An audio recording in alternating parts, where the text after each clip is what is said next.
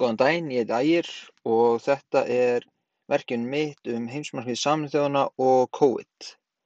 Og það heimsmarkmið sem ég hef ákveðið að velja mér að fjalla um er heimsmarkmið 8 sem er góð atvinna og hagvöxtur. Eins og við vitum öll þá hefur COVID haft mikil áhrif á atvinnuna hér á Íslandi. Uh, mikið af fólki hefur mist vinnu sína vegna ástandsins í landinu og ætla ég að fjalla lítillega eða léttlega um hvað væri hægt að gera fyrir þetta fólk sem hefur misst atvinnuna og reyna að koma með einhverja litla lausn á því henni í lokin. Um, sá geiri sem hefur farið verst út úr þessu er að sjálfsögðu ferðamannageirin. Við Íslendingar treystum mikið og höfum gert senstu ár á túrisma uh, en það er mjög mjög stór innkoma landsins í gegnum túrista Uh, og þar sem COVID hefur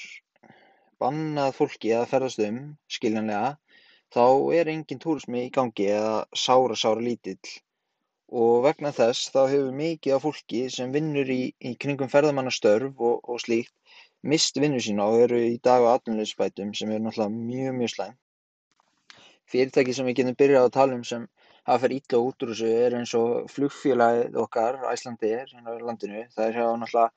farið illa út úr þessu. Það er náttúrulega þeir hafa lítið fengið að fljúa skiljanlega þar sem að, að öll, allt er lokað út á COVID. Og þar hefur mikið af fólki mist vinnu, þetta er náttúrulega mjög mjög stórt fyrirtæki. Og, og það er náttúrulega mikilvægt að svona fyrirtæki sé haldið inn starfsgengileg þar sem að já, þetta er stór hluti af hagvaxtarkerfi landsins, það er náttúrulega mjög slæmt ef svona stór fyrirtæki fara á hausinn, það er náttúrulega mikið, miklu fjármögnir í, inn í þessu.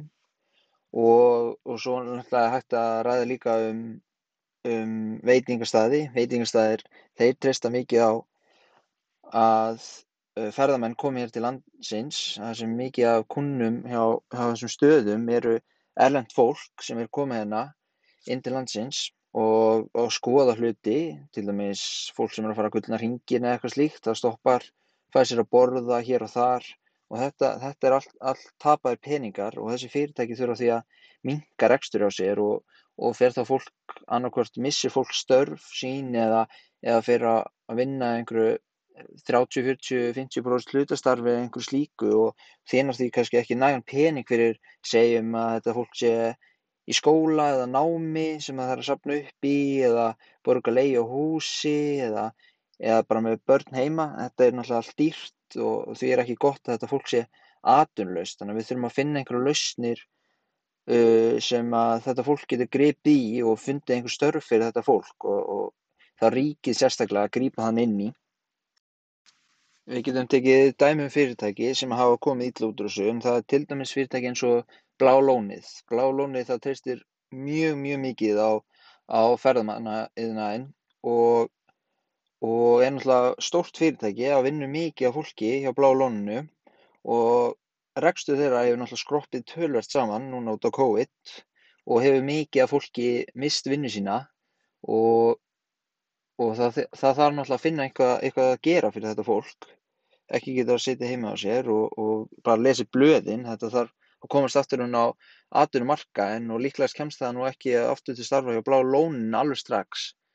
Og hugmyndir sem ég geti komið er að ríkið það þarf að búa, að stígu upp og búa til störf fyrir þetta fólk. Og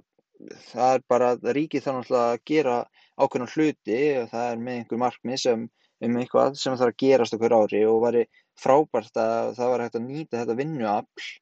í þessum COVID tímum að gera og flýta fyrir svona verkum sem kannski áttu að fara í framkvæmdur á næstu árum, til dæmis skerður og vegum eða einhverju slíku. Það væri frábært að geta nýtt þetta fólk út af því að þetta er mikið af fólki, náttúrulega atvinnu, atvinnuleysi hefur farið upp um, ég er ekki með nákvæmlega tölu á því en það hefur farið upp um einhverja prósendu núna frá þetta hófst. Þannig að það væri frábært að geta nýtt þetta, þetta vinnuafl sem við höfum núna á lausu í að gera slík störf og og lokum þá bara vil einblina það að það er náttúrulega ríki sem þarf að stíga inn í, inn í svona COVID-ruggli og, og þarf að bjarga náttúrulega hagvextinum í landinu með að búa til störf fyrir allt þetta atvinnulegsa fólk sem er í landinu núna. Og er ég búin að koma með þessar hugmyndi fyrir þá að, að uh, það eru verkefnum sem þau þarf náttúrulega að sinna og það er hægt að flýta fyrir þessum verkefnum og búa til störf fyrir það fólk sem er atvinnulegst í landinu og, og væri það mjög, mjög vel gert af ríkinu að það geti komið upp um einhverju svona störf.